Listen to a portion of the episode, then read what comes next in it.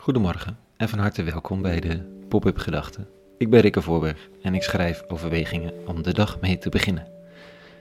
Vandaag met de titel Zondig Dapper. Pop-up Gedachten maandag 21 september 2020.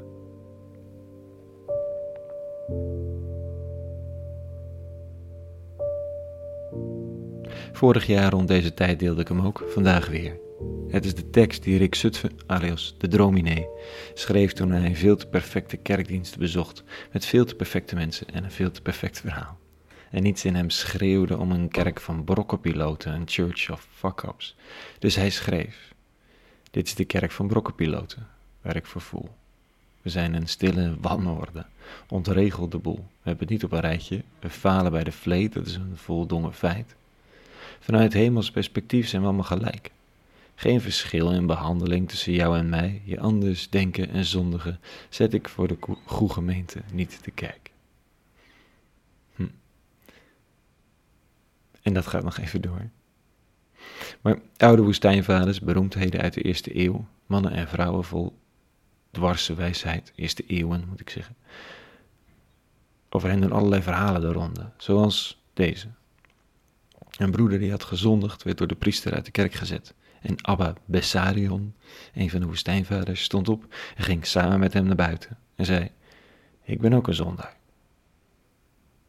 In Sketia zondigde een broeder. Men hield een beraad waar men ook Abba Mozes bij had gevraagd, woestijnvader, om aanwezig te zijn. Maar hij weigerde om te komen. Toen liet de priester hem zeggen: Kom, iedereen wacht op u. Hij stond op en kwam met een mand met gaten die hij met zand had gevuld en op zijn rug deed en zo droeg. De anderen die hem tegemoet kwamen zeiden tegen hem, wat is dat, vader? De oude man zei, mijn fouten zijn bezig achter mij weg te lopen en ik zie ze niet.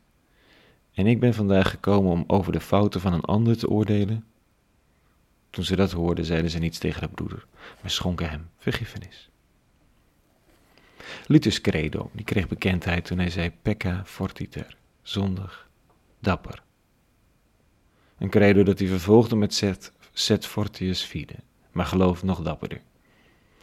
De Rominee en Rotterdammer Rick Zutphen staat met de kerk van Brokkelpiloten in een oude traditie, als zijn tekst eindigt met wij zijn de kerk van brokkenpiloten. Gezegend zijn zij die het verkloten. Zalig zijn zij die proberen mij mislukken.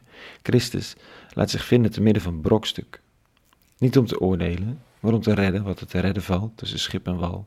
Wij zijn onvolmaakt en verre vanaf.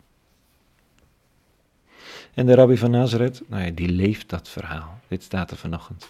In die tijd ging Jezus verder. Hij zag iemand aan het tolhuis zitten die Matthäus heette en hij zei tot hem, volg mij.